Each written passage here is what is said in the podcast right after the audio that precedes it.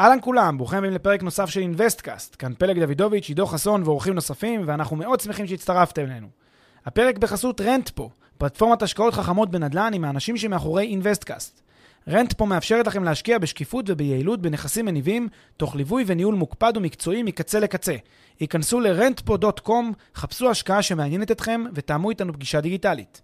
בנוסף, לפני שנתחיל, נזמין אתכם להצטרף לקהילת המאזינים של InvestCast בפייסבוק. חפשו InvestCast בשורת החיפוש והצטרפו לקהילה. ועכשיו לפרק נוסף של אינוויסטקאסט.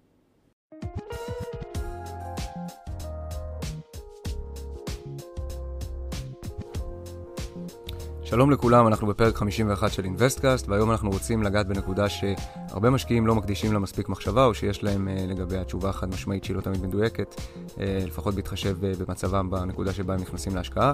Uh, ואני מדבר על uh, שאלת התשלומים, uh, מכל סוג שהוא ובאופן ספציפי בהשקעות נדל"ן. אז במסגרת הפרק אנחנו נסביר מה המהות הכלכלית שעומדת בדרך כלל מאחורי תשלומים מסוגים שונים, וננסה לתת כללי אצבע שיעזרו להבין אם אה, כדאי לשלם בתשלומים, כדאי לשלם בפעימה אחת בהתחלה, פעימה בסוף, אה, איזושהי חלוקה אחרת, גם באופן כללי וכמובן גם אה, כשמשקיעים. זה אהלן פלג, בוקר טוב. היידו, בוקר אור. בואו נתחיל בבקשה מהצגה קצרה בראשי פרקים של הנקודות שניגע בהן במסגרת הפרק. כן, הפרק הזה הוא פרק, כמו שאמרת, חשוב מאוד בהיבט הבנת התשלומים, האם עסקת תשלומים היא עסקה טובה. כלומר, כשאומרים תשלומים זה אומר אני צריך לשלם עכשיו uh, לספק, למי שאני קונה ממנו בתשלומים, או לשלם בפעימה אחת. זה יכול להיות ספק בסופר, זה יכול להיות ספק ב... לא יודע מה, אני קונה אה, משהו הביתה, איזה ריהוט הביתה, וזה גם יכול להיות שאני קונה נכס להשקעה.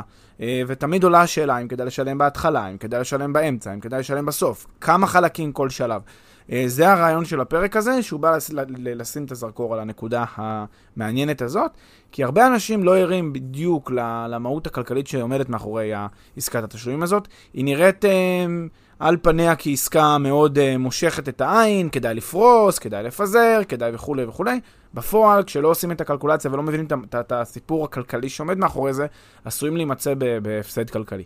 אז מה שאנחנו נדון בו זה אנחנו קודם כל נסביר את המהות הכלכלית שמאחורי אה, עסקאות התשלומים, כלומר נסביר מה זה ריבית, מה זו הלוואה ובעצם איך, ה, איך הדברים האלה משתלבים בעסקאות תשלומים. אה, אחר כך אנחנו נסביר למה עסקת תשלומים בעצם סוג של הלוואה, כן, בכל מיני תנאים, תלוי, תלוי בדיוק איזה, איזה תנאים, ואחר כך אנחנו באמת גם נסביר האם באמת עסקה של תשלומים עדיפה או לא עדיפה על פני תשלום אחד. והנה ספוילר אלרט, ו- ותחזיקו חזק. אנחנו לא הולכים לצאת פה עם uh, תשובה חד משמעית לשאלה מה עדיף, וזה למרות שהרבה אנשים יגידו לכם, כן, עדיף רק תשלום אחד, או עדיף רק תשלומים.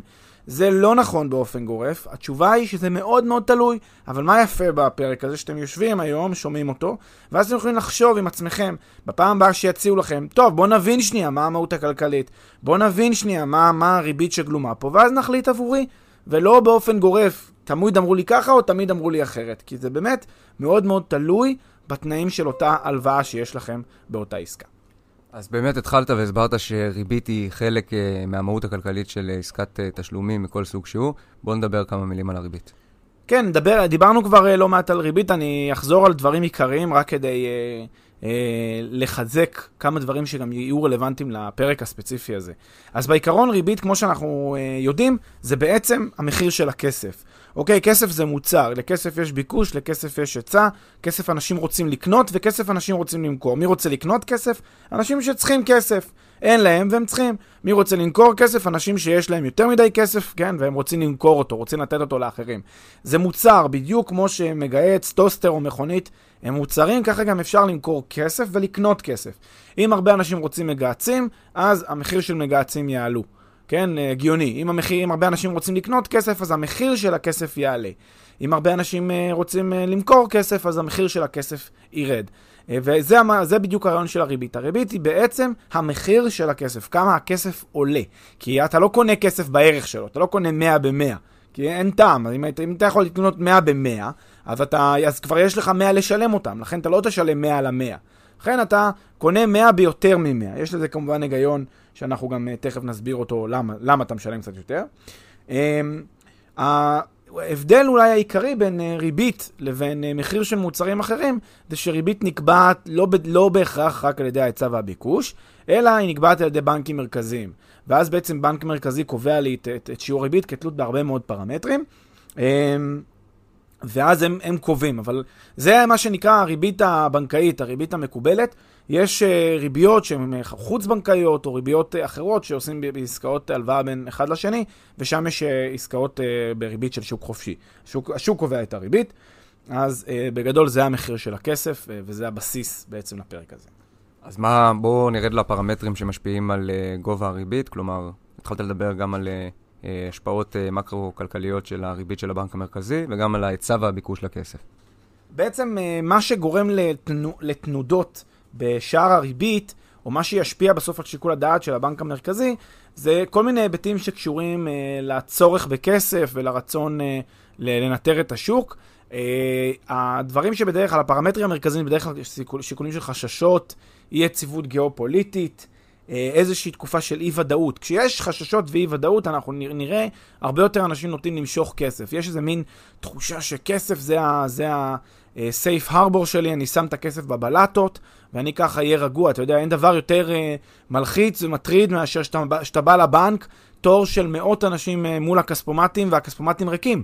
זה מלחיץ, בן אדם חושב, אני, oh my god, oh, אני, לא יהיה לי מה לאכול, לא יהיה לי איך, איך, איך, לא יודע מה, להביא אוכל הביתה, לפרנס את המשפחה. זה דברים שמטרידים אנשים, אנחנו רואים את זה בדרך כלל, את התמונות הקשות האלה מכלכלות קורסות כמו ביוון, או כמו לפני כמה שנים במדינות אחרות, או בוונצואלה. אתה רואה את התמונות האלה באמת בשווקים אה, קשים, שם אתה תראה שבאמת יש... אה, איזושהי, איזשהו משחק עם הריבית כ- כמענה, כי אם הרבה אנשים רוצים למשוך כסף, הדרך לייקר אותו קצת היא באמצעות להעלות את הריבית, לגרום למחיר של הכסף להיות יותר יקר. רוצים לצנן את השוק, כן? כשרוצים לצנן את השוק, מעלים את הריבית. גם כשבן אדם עושה, מושך כסף מהבנק, וזה גם... אה, קונספציה אה, מוכרת, שכשאתה מביא כסף לבנק, לעו"ש, כן? זה לא כסף שלך, זה כסף שכבר נתת אותו לבנק כהלוואה. אתה פשוט נותן את ההלוואה הזאת בלי ריבית. אתה בתיאוריה יכול לשים אותו בפקדונות, אפילו בפקדונות נזילים, ואז אתה כאילו מקבל עליו ריבית, אבל נתת הלוואה לבנק. זה לא כסף שלך, וזה גם מה שהרבה אנשים לא מבינים. אתה בעצם עשית עסקת הלוואה עם הבנק, נתת לו את הכסף. עכשיו אתה בא לפרוע את הכסף, לפרוע את ההלוואה שנתת, לקבל אותו.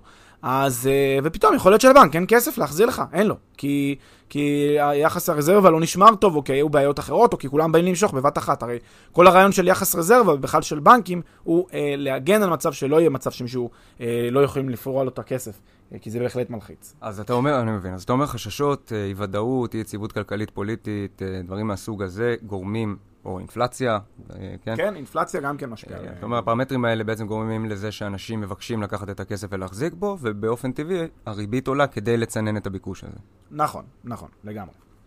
אמ, ובאותו זמן בדיוק, הריבית, אז היא משמשת, אה, כן, לצנן שווקים, או כדי לפתוח שווקים, אם זה, אתה רוצה להוריד ריבית, אז אתה פותח את השוק להשקעות או לפעילות אחרת, לצריכה. אה, אבל באותו זמן בדיוק יש גם צד אחר בסיפור. והצד האחר הזה זה הצד שנותן את הכסף. וכשהוא נותן את הכסף, הוא גם נמצא בחששות, הוא גם נמצא באי-ודאות, אמ, כי הוא הרי היום נותן לך כסף, הוא לא יודע אם מחר אתה תחזיר לו. לכן, עבורו ריבית זה לא רק מחיר, אלא זה ממש פיצוי. אתה מפצה את הצד השני על זה שהשתמשת לו בכסף, והוא לא יכול היה להשתמש בו, והוא ישן אה, קשה בלילה. אה, הוא הסתובב במיטה מצד לצד מרוב דאגות, בגלל ש... אה, ובגלל הדבר הזה אתה מפצה אותו, וזאת הריבית, זה בעצם הפיצוי שאתה נותן למי שנתן לך כסף להשתמש בו. אה, וכמובן שיש גם פרמטרים אינדיבידואליים שמכתבים את גובה הריבית.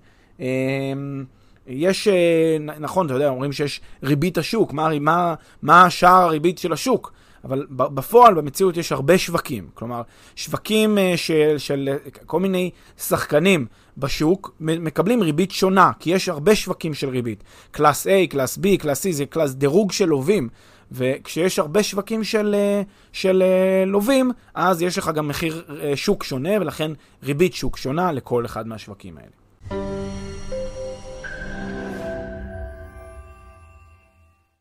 לפני שנמשיך, כמה שניות מזמנכם. הפרק בחסות Rentpo, פלטפורמת השקעות חכמות בנדל"ן עם האנשים שמאחורי InvestCast. Rentpo מאפשרת לכם להשקיע בשקיפות וביעילות בנכסים מניבים, תוך ליווי וניהול מוקפד ומקצועי מקצה לקצה.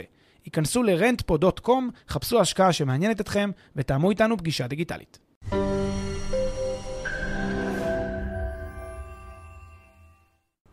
אוקיי, okay, אז אנחנו מיושרים בגדול על הרעיון שמאחורי ריבית. אתה אומר, היא מפצה על סיכון, אתה אומר, אה, ריבית גבוהה לפעמים אה, מצנן, נועדה לצנן שוק ולהפך.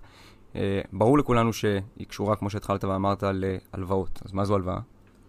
הלוואה זה בעצם עסקה שבה בן אדם, אה, אחד, נותן לאחר כסף היום, בתור... במטרה לקבל את הכסף הזה שוב בעתיד, בתוספת ריבית, בתוספת איזשהו אה, פיצוי אה, מסוים. ותגיד, המודל הבסיסי הזה שבו, אה, כמו, ש... כמו שאמרת, אחד נותן לאחר כסף היום כדי לקבל אותו בעתיד בתוספת ריבית, זו הצורה היחידה שבה אפשר לומר שאירוע מסוים מהווה אה, הלכה למעשה הלוואה? כמובן שלא. אה, בעצם נשוא העסקה לא חייב להיות כסף, הוא גם יכול להיות שווה כסף, אה, יכול להיות שירות, יכול להיות טובת הנאה, אה, ולכן בעצם, אם רוצים להכליל את ההגדרה בצורה יותר רחבה, אז בעצם הלוואה זה מצב שבה, מצב שבו אדם אחד נותן לאחר כסף, שווה כסף, שירות, טובת הנאה כלשהי, היום, ומקבל ממנו בעתיד כסף, שווה כסף, שירות, טובת הנאה כלשהי אה, מאותו בן אדם, בעתיד, כשזה גם אה, מגלם איזשהו פער. יש פער כלכלי בין מה שאתה נותן היום לבין מה שאתה אה, מקבל אה, בעתיד.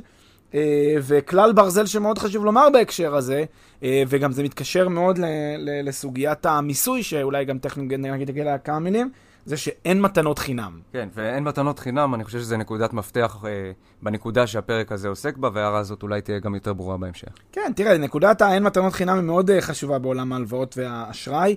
אה, אה, מערכות המיסוי, אתה יודע, בעולם דיני המס, יש אה, אה, הרבה חתירה למה שנקרא מס אמת,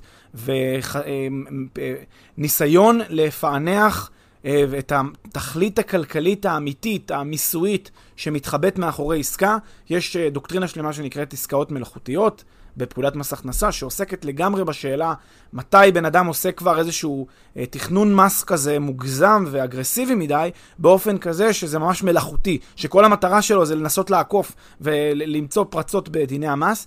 בעצם דיני המס באים ואומרים, תשמע, אנחנו לא מעניין אותנו הסיפורים, מה כתבת, מה ניסחת, אפילו מה תגיד לי שהתכוונת, לא מעניין. אם יש תכלית כלכלית, והתכלית הכלכלית הזאת היא אה, מעידה על איזשהו אירוע שהוא אה, אירוע מס, אירוע ש, שמחייב מיסוי באותו מקרה ספציפי, אנחנו נמסה אותך. יש לזה, אתה יודע, הרבה שיקולים, רצון לעשות שוויוניות, רצון לעשות האחדה בדיני המיסים, רצון למנוע מצבים שלהם אנשים עוקפים את דיני המס. אה, אז יש לזה את השיקולים שלו, אבל לפחות במובן המיסוי הטרור, אה, הרבה פעמים מתעלמים ממה שאנשים קבעו ביניהם בהסכמים, ואומרים יש תכלית כלכלית. ולכן הנושא הזה של אין מתנות חינם מאוד מאוד מתעורר גם בדיני המס, כי הרבה פעמים אנשים יצדיקו פעולות שהם עושים, יגידו לא, זה מתנה, זה, זה לא הלוואה, זה מתנה בין חברים וכולי. בסוף יבוא פקיד שומה, יגיד, רגע, רגע, חביבי, זה לא מתנה, זה לא הלוואה, התכלית הכלכלית הייתה פה אה, מאוד ברורה, אתה נותן לו X, מקבל X פלוס משהו, היה לך פה רווח, קיבלת יותר, אה, לא ממש משנה כל הדברים אה, שאמרת. אז זה בגדול הרעיון אה, שעומד מאחורי הכלל הזה שאין מתנות חינם, אנחנו כמובן גם נחזור עליו בהמשך הפרק, אבל אה, כדי, כדי להסביר בדיוק את ה... כן, כדי לתת uh, סיום לה, להסבר של מה זה בעצם הלוואה, אז צריך לזכור שלהלוואה יש תמיד את רכיב הקרן ורכיב הריבית. הקרן זה בעצם כמה ששילמתי uh, ל... ל ללווה, כמה שנתתי כמלווה ללווה, שהוא יכול להשתמש בכסף הזה. הריבית זה כמה שהלווה מעבר לקרן הזאת יחזיר לי, כמה פיצוי הוא ייתן לי על העובדה שנתתי לו להשתמש בכסף. אוקיי, okay, אז בואו נצלול למהות הכלכלית באמת של עסקאות הלוואה. תראה, אמ, הרעיון בעסקת הלוואה זה שיש מה, ש... מה שאפשר לקרוא לו פער עיתוי בין המועד שבו קיבלתי את הכסף, שירות, טובת הנאה, כל מה שהגדרנו קודם, לבין המועד שבו אני מחזיר אותם, אוקיי? אם אני עכשיו הולך, למשל, אה, אה, אה, ל- ל- לקנות אוכל, ואני משלם על לקנות אה, פלאפל, ואני משלם מיד את הכסף למוכר בדוכן. או אם אני הולך לקונצרט ואני משלם בקופות. או אם אני סוחר מתווך ואני משלם למתווך ברגע שקיבלתי אה, מפתח לדירה. או אני מעצב גרפי שאני מכין לוגו עבור חברה, והחברה בתמורה נותנת לי, היום, ביום שמסרתי לה את הלוגו, היא נותנת לי לקנות מוצרים שלה. כל הדברים האלה הם מצבים שבהם אנחנו נאמר שאין כאן עסקת הלוואה. למה? כי אין פער עיתוי. בין מה? בין. טובת הנאה שאחד נתן, לבין טובת הנאה שהוא קיבל בדיעבד, אין פער עיתוי, ולכן אין כאן אה, עסקת הלוואה. אה, כל מה שמכונן, מה שיוצר את העניין של עסקת הלוואה, הוא פער עיתוי מסוים. זה יכול להיות אפילו עשר דקות בתיאוריה ומעלה, כן? צריך, אבל צריך, ברור, להתקיים איזשהו פער עיתוי. אה, מסוים שיצדיק את ההגדרה של עסקת הלוואה. אז בוא באמת תן, כמו שנתת כמה דוגמאות אה, מהחיים למקרים שבהם אתה פשוט משלם, כן? אין פערי עיתוי, בוא תן כמה דוגמאות למצבים מהחיים שיש בהם הלוואה לפי המהות הכלכלית, כלומר, מצבים שבהם יש אה, פער עיתוי, למרות שלא תמיד שמים לב אליהם. כן, למשל קנייה בהקפה במכולת. מכיר את הפרקטיקה הזאת שאנשים יש להם כרטיס אצל, ה, אצל הירקן, או כרטיס אצל, ה, אצל ההוא מהמכולת, ואז יש להם בשם, אז הוא רושם לו, תרשום לי, תרשום לי חלב, תרשום לי, אה, לא יודע מה. אז בעצם הוא רושם לו את המוצרים על אה, כרטיס, ואז הוא ישלם לו אחת לחודש, אחת לחודשיים את החוב שלו. יסגור את, ה, את, ה, את הכרטסת שלו. זו רכישה, ב, אה, זו בעצם הלוואה, זו עסקת הלוואה. אה, עסקת הלוואה שאולי אין בצידה ריבית, אגב, בחלק גדול מהמקרים, אלא אם כן היא מגולמת במחיר מלכתחילה ודברים מהסוג הזה. אוי, הנה, אתה בדיוק נוגע כבר במה שאנחנו תכף נגיע אליו. בעיקרון, כל עוד, אה, אה, אולי נגיד משפט, כל עוד שילמת לו את אותו מחיר שהיית אמור לשלם לו מלכתחילה, והוא נותן לך את האפשרות הזאת, אז, אתה חי... אז כדאי לך לקחת את זה. כי זה עסקה באמת הלוואה ללא ריבית, כי הוא נותן לך את זה ללא ריבית, את האפשרות, אבל כנראה שמשהו ביחסים המיוחדים שלהם, שלכם זה כבר הריבית. כלומר, יש ביניכם יחסים מיוחדים של אמון, ותקופה שאתה קונה שם, ואתה כבר נותן, כנראה קונה אצלו הרבה שהוא מסכים לתת לך את, ה... את הכרטיס הזה, ולכן, הנה הריבית שלך, אבל ניכנס לזה עוד כמה דקות. אמ, דוגמה נוספת להלוואה זה כשאני למשל קונה כרטיס למלון, ואני משלם, אה, קונה אה, כרטיס טיסה או ממש חדר במלון, ואני משלם את זה מראש, אפילו שהטיסה היא בעוד שנה. אז הנה אני קונה, זה עסקת הלוואה, נתתי הלוואה לחברת התעופה, נתתי הלוואה לבית המלון. אמ, גם רכישה בתשלומים. אה, גם היא עסקת הלוואה לחלוטין, ונגעת בזה קצת, אנחנו נרחיב על זה תכף מיד. אה, גם כשאני למשל קונה מראש מנוי שנתי לקאנטרי קלאב. אז זה עסקת הלוואה. עכשיו, אה, זה עסקת הלוואה בגלל שאני, אמנם אני כבר מהיום ששילמתי את המנוי, אני יכול להתחיל להיכנס לקאנטרי קלאב, אבל לפחות לגבי הכניסה 365, כלומר בעוד 365 ימים, אז נתתי הלוואה, כי שילמתי עליה 365 ימים מראש. אז uh, לכן יש פה הלוואה של בעצם כל יום בשנה הלוויתי אה, בתחילת השנה עבור אותו יום ספציפי. תגיד, התחלת לגעת קודם קצת במיסוי, מה, איך הנקודה הזאת באה לידי ביטוי באמת ב- בעסקאות הלוואה? תראה, בעסקאות הלוואה הרעיון המיסויי הוא הרעיון הבא. כל זמן שיש אה, פער עיתוי כזה באמת, וכל פעם, כל זמן שיש פער כלכלי בין טובת הנאה שא' נתן אה, לב', אה, בעקבות זה שב' נתן לא' הלוואה, כן, נתתי לך 100, קיבלתי 105. אז יש פה פער כלכלי בין, בין השווים. מהו הפער הכלכלי? חמש.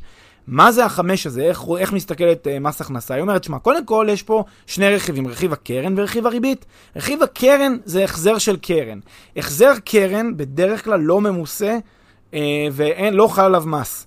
ולכן כשבן אדם נותן הלוואה, למשל הלוואת בעלים לחברה, אז כשהוא ימשוך את הכסף הזה חזרה מהחברה, הוא לא משלם על זה מס, על הלוואת הבעלים שהוא נתן. אמ, החזר קרן אף פעם לא ממוסה, או כמעט תמיד לא ממוסה, אלא אם כן התכלית הכלכלית שלה היא באמת אה, משהו שעוקף את זה. אמ, לעומת זאת, אה, מה שכן ממוסה זה ההכנסות שצמחו בעקבות הפער הכלכלי. זה באמת הכנסות ריבית, והן בדרך כלל ימוסו, נניח בפקודת מס הכנסה הישראלית, לפי סעיף 2.4, שזה הכנסות ריבית. בדרך כלל שיעור מס של 25%. אה, ולכן, אה, מה שפקיד שומה ירצה לראות, ירצה לראות את מה נתת, ירצה לראות מה קיבלת, ירצה לראות את הפער הכלכלי, ואת הפער הכלכלי, את הדלתא, הוא ימסה אותך בשיעור אה, מס שולי, לא מס שולי, מס של 25%. עכשיו, מה שבדרך כלל מעניין לרשויות המס, זה אותם מצבים כן, שהם אה, בתחום האפור. אותם מקרים ש... שיש, אה, אתה יודע, יש כאן איזשהו תחום אפור, למשל, כשאני נותן הלוואה ב... לחבר כדי לקנות נכס, והוא מחזיר לי את הנכס כעבור כמה שנים. אז פקיד שומה יגיד, רגע, רגע, זה לא בדיוק באמת...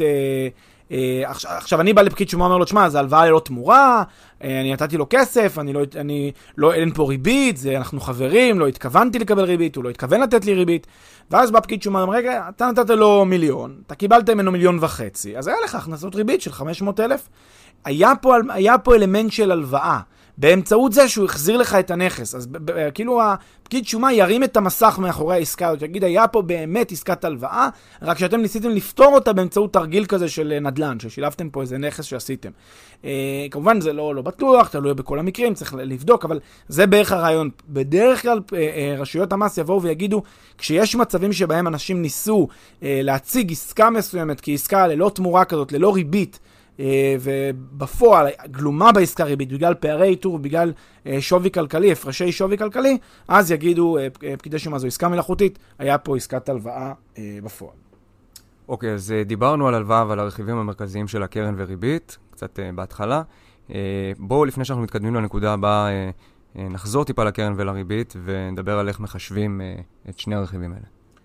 תראה, אז החישוב של קרן וריבית הוא למעשה פשוט מאין כמוהו. לוקחים את יתרת הפתיחה של ההלוואה, את הכסף שאני נתתי ביום הראשון, ולוקחים את הכסף שקיבלתי ביום האחרון. אם יש פער מספרי ביניהם, הפער המספרי הזה זה ריבית. אוקיי? אני תכף אגיד מילה על אינפלציה. אבל נגיד התחלתי עם 100, וקיבלתי 108. אז מאוד קל, אני יודע בדיוק מה רכיב הקרן, מה רכיב הריבית. כי את ה-100 מחזירים לי, זה מה שתמיד היה לי, ומביאים לי את ה-8 כריבית. עכשיו, אותו דבר יעשו אם זה גם נכס תמורת נכס, שירות תמורת שירות. נניח נתתי למישהו שירות, בש... שירות שאני מוכר אותו באופן רגיל ב-60 שקלים נגיד, והוא החזיר לי אחרי uh, שנה, הוא הביא לי, uh, לא יודע מה, uh, שירות, מ... כי, כי גם הוא נותן שירותים, הוא הביא לי שירות שהשווי הכלכלי שלו הוא 70 שקל. עכשיו, הם יגידו שניהם, תשמע, זה בין חברים, אין הפרש, אין פער וכולי וכולי, ופקיד שומה יגיד, לא, היה פה בהתחלה 60 שקל ביום הראשון, השני החזיר ל, לראשון אה, שירות ב-70 שקלים, אז קודם כל יש כאן 60 שזה הקרן, 10 זה הריבית, והראשון צריך לשלם מס, מס הכנסה על אותו אה, רכיב של הריבית. זה בדיוק הרעיון הזה של הפערים. מילה אחת כן צריך לומר לגבי אינפלציה, אה, כי אה, הרבה מאוד מהלוואות הן צמודות, הן צמודות לאיזשהו מדד, צמודות למטבע. אז uh, גם במובן הזה, כשאנחנו מסתכלים על הפרשי הצמדה ודברים מהסוג הזה, גם הם נספרים בדרך כלל כחלק מההכנסות uh, הממוסות בריבית. כלומר, אם היה לי איזושהי הצמדה ובן אדם קיבל הכנסות uh, uh, בעקבות ההצמדה הזאת, אז גם זה בדרך כלל יהיה ממוסה כחלק מרכיבי הריבית. טוב, נקודה נוספת שאני חושב שהיא טעונה הבהרה, לפני שאנחנו נכנסים uh, לשאלות התשלומים, לשאלות ה... עמוקות יותר שנוגעות לתשלומים.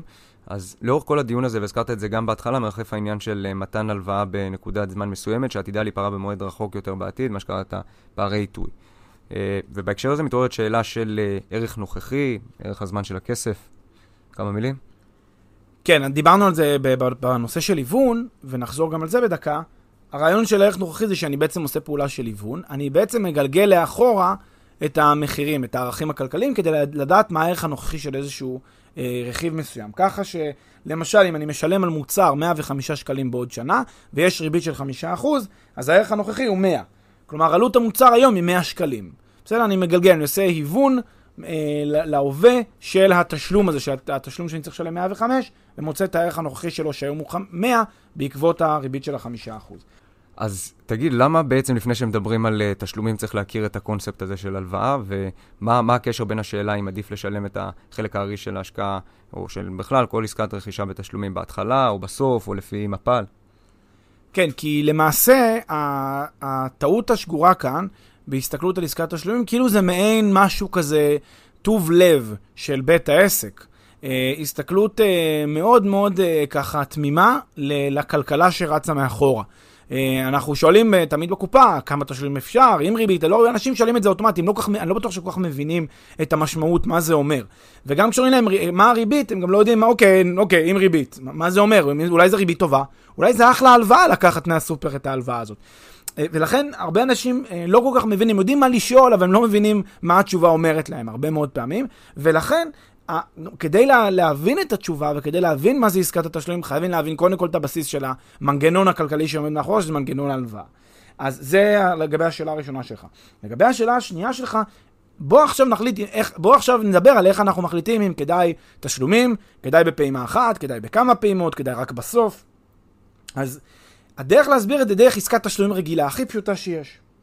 עסקת תשלומים היא, היא סיטואציה שבה הקונה מקבל את המוצר היום, אבל משלם עליו על פני תקופה מסוימת. זאת אומרת, תחשוב את הסיטואציה הבאה, יש ספק של מוצר, הוא נפרד מהמוצר הזה היום, הוא נותן לך, מפקיד אותו בידיך הנאמנות היום, ואתה אמור לשלם לו על המוצר הזה בעתיד. מה זה בעתיד? יכול להיות שתשלם כבר רכיב מסוים היום, מקדמה מסוימת היום. יכול להיות, יכול להיות שתשלם רכיבים מסוימים מהמוצר היום, אבל עדיין חלק אחר מהמוצר הזה אתה תשלם בעתיד, כי זה המשמעות של תשלומים. אתה לא משלם לו הכל היום, ויש כאלה מקרים שאתה גם משלם רק בסוף, ממש בסוף, עוד שנה. עוד שנה. אה, והוא לא, לא ייפגש עם כלום בכלל, 0-100 מה שנקרא. במצב כזה, יש כאן עסקת הלוואה. מי נתן למי את ההלוואה במקרה הזה, וזה צריך לשים לב. מי שנתן למי את ההלוואה זה הספק לך, בתור הקונה. למה? כי הוא נתן לך משהו היום, ואתה מחזיר לו אותו בעתיד. בעצם אתה הפכת ללווה. אתה הלווה של הספק הזה, כי אתה עכשיו אה, חייב לו כסף, אתה חייב להחזיר לו את הכסף. הוא נתן לך הלוואה. עכשיו, זה ממש אה, עולה, עונה אחד לאחד להגדרה של עסקת ההלוואה שהסברנו קודם. נותנים למישהו אה, אה, כסף, שווה כסף, מוצר, שירות כלשהו היום, ומקבלים כסף, שווה כסף, מוצר או שירות עם תוספת כלכלית כלשהי בעתיד. אה, עכשיו, הרבה פעמים אומרים לנו, אה, אתה יודע, בתמימות, עד שלושה תשלומים ללא ריבית. האם זה אומר שבעסקת תשלומים אין ריבית? לגמרי לא, לחלוטין. אה, מה, ש, מה שקורה כאן זה בסך הכל תרגיל כלכלי פשוט, שנובע מזה שמציגים לנו משהו כאילו הוא הנחה, או כאילו לטובתך, או כאילו הוא מהלך אה, כדאי או לא כדאי. בסך הכל מגלמים. יש כאן גילום של רכיב הריבית על דבר אחר שאתה לא שם לב אליו. וזה בדיוק החשיבות של הפרק הזה היום, בלהבחין בנקודות הקטנות האלה. אז בואו ניקח את העסקה הזאת של התשלומים. נגיד אומרים לכם, תשמע, אתה משלם 600 שקלים, בסך הכל, שיצאו מהכיס שלך. אתה יכול לשלם אותם היום, או שתשלם אותם בשלושה תשלומים שווים של 200 שקלים. בסדר? אתה אומר לעצמך, תשמע, לי, אני צריך להוציא 600 שקלים מהיום. לי יש עכשיו עוד, עוד הוצאות החודש וכולי וכולי. אני, לא, אני רוצה לפזר לי את זה שזה לא יהיה. ותשמע, עוד אומרים לי, זה בלי תשלומים, זה בלי ריבית. אז כדאי לי לעשות את זה 200, 200, 200, שלוש פעמים 200. אז הרעיון הוא שבמצבים כאלה, ש... כשאומרים לי את ה-600 האלה, בעצם מסתירים ממני את האמת. זה לא באמת, כש... כשאני רואה בסופר כתוב על המוצר 600, זה לא אמיתי, זה לא נכון. למה זה לא נכון? כשבית העסק אומר לי, תשמע, מותר תשלומים ללא ריבית על ה-600 האלה, הוא בעצם אומר, תשמע, אם אתה משלם לי 200, 200, 200, אתה תשלם לי בסך הכל 600, אז אתה תשלם את המוצר כפי ערכו האמיתי. אם לא, אתה משלם לי מעל המחיר שלו. אתה משלם לי יותר מאשר המחיר שלו. ולמה? כי אם אתה תבוא ותוציא היום מהכיס את ה-600, כשיש לך את האפשרות לשלם בשלושה תשלומים של 200 בסך הכל 600, בלי ריבית, אז ברור לגמרי שאתה נמצא בעסקת הפסד.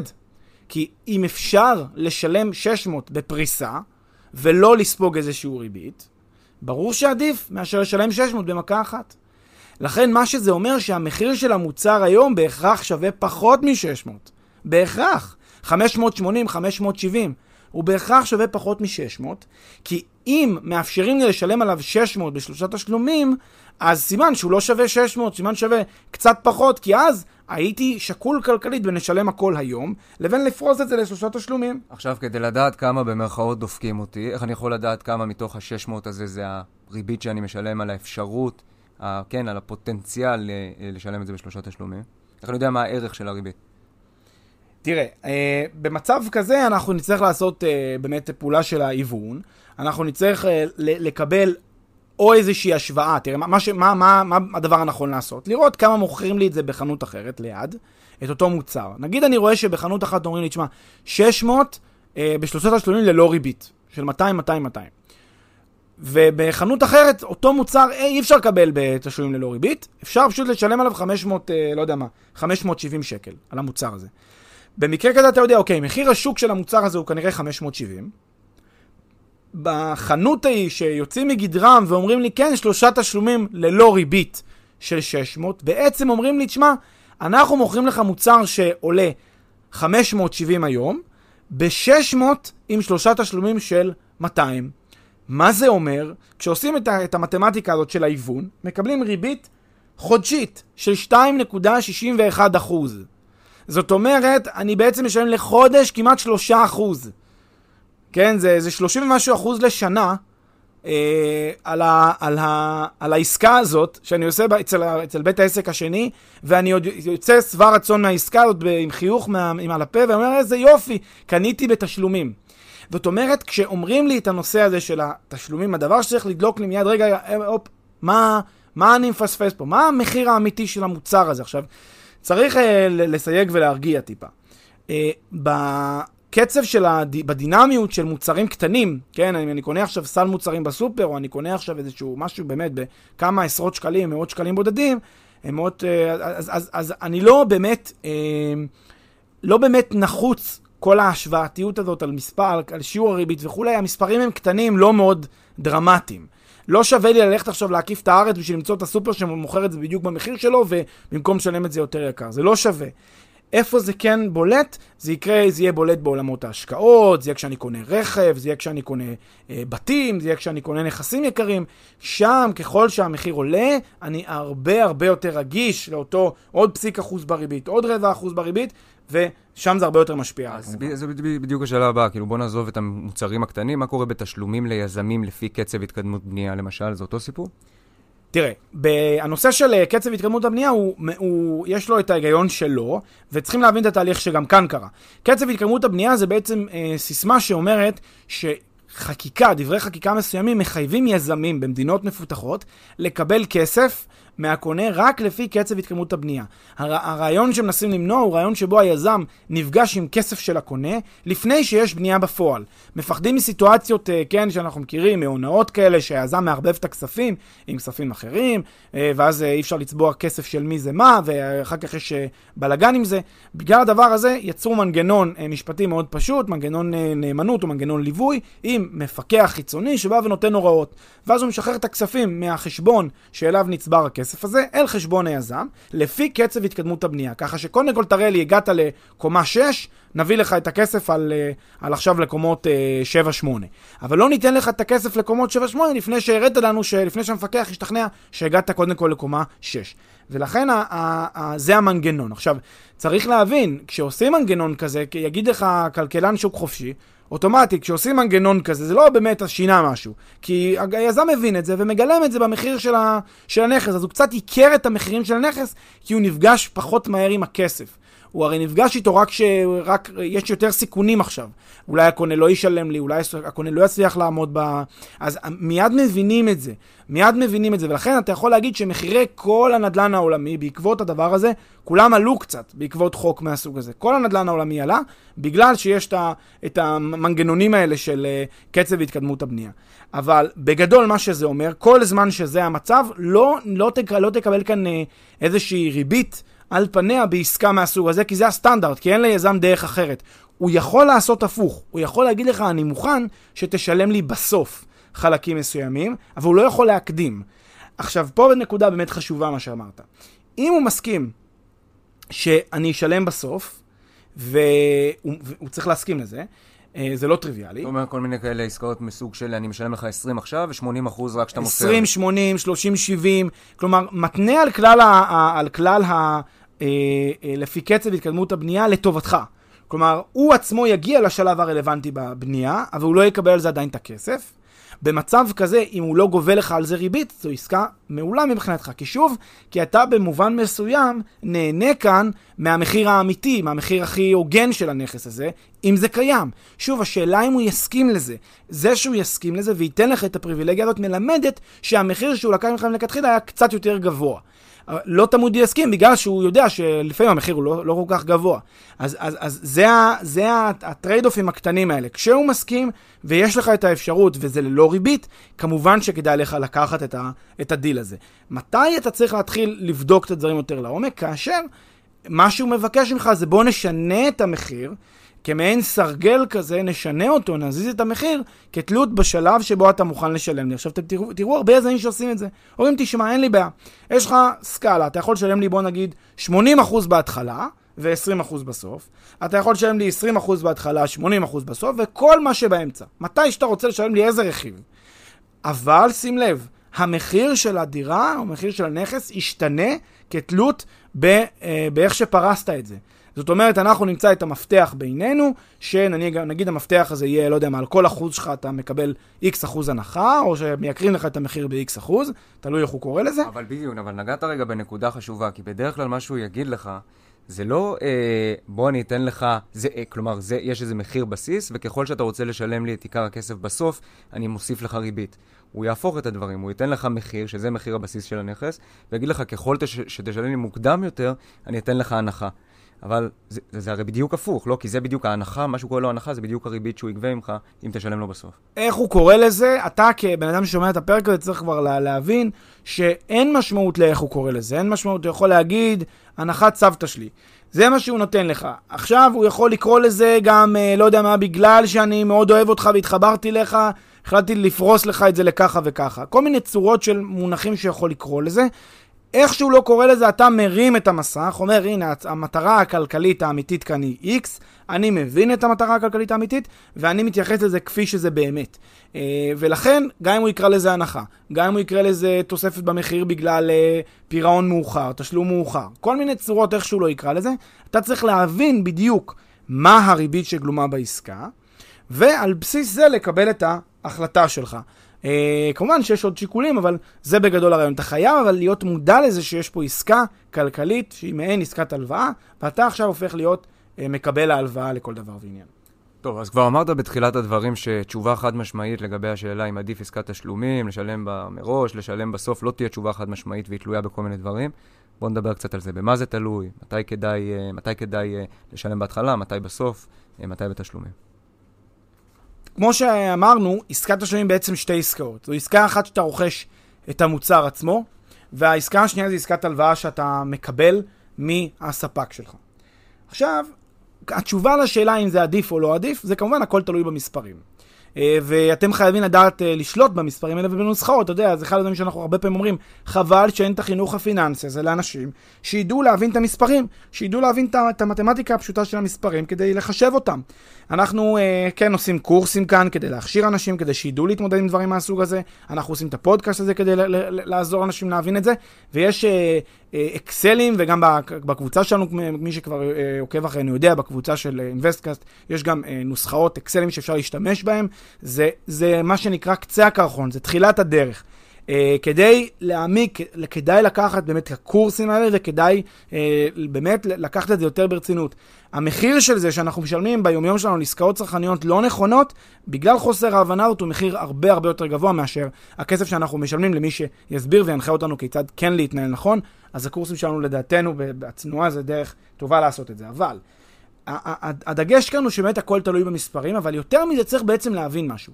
אם אני עושה שתי עסקאות, אחת זה עסקת רכישת המוצר והשנייה זה עסקת הלוואה, מיד אני חייב לשאול את עצמי את השאלה הבאה.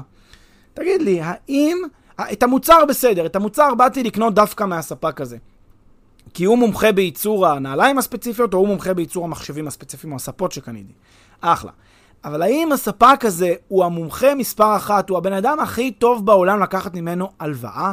האם הוא הבן אדם הכי אה, הוגן מבחינת תנאי האשראי שהוא נותן לי?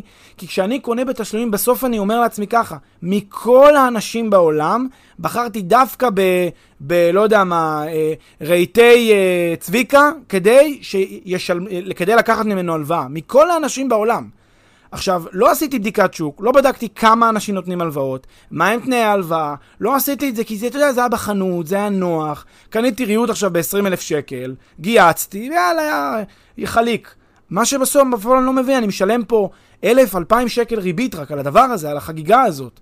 ואני לא מבין את זה כי אני לא עושה את הבדיקה, וכי אני לא לומד את הדברים, וכי אני, יאללה, אני, אני אומר, יהיה בסדר. עכשיו, הדברים האלה, מס... בסדר, קנית פעם אחת מרהיטי צביקה, אבל אתה קונה גם ממקררי שאול, ואתה קונה גם ממטבחי אה, אורה, ואתה קונה גם מלא יודע מה, מכל אחד. ומכל אחד אתה נותן לו את, ה... את הכאילו הוא המאסטר היום, המומחה הבלעדי לתת לי הלוואות, וכאילו התנאים שלו הם הכי נוחים והוגנים.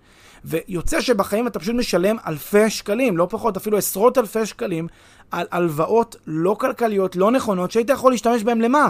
לקנות לעצמך נכס אה, ולצאת, ל- ל- ל- ל- להגדיל את הרווחה האישית שלך ולצאת לעצמאות כלכלית. היית יכול לעשות בזה משהו אחר בכסף הזה, שבאמת בזבזת אותו על שטות, רק בגלל שלא עשית את התחשיב הכלכלי הנכון. עכשיו, זו השאלה שאתה צריך לשאול את עצמך. כשאומרים לי עסקת תשלומים, אני צריך לשאול את עצמי, האם הגורם שעומד מולי, הוא ייתן לי את העסקת אשראי הכי נוחה ונכונה בזמן, ה, בזמן הזה, או לא? כש... bearing in mind, מה שנקרא, בשלב הזה אתה גם צריך לקחת בחשבון עוד דבר. אם זו עסקה קטנה, כמה מאות שקלים בודדו, בודדים, מאות בודדות, נכון? מאות בודדות של שקלים, אז uh, כל מה שאני משלם פה זה עוד איזה כמה גרושים של... uh, של אז לא שווה לי ללכת עכשיו ל- למצוא מי ייתן לי הלוואה בקצת פחות.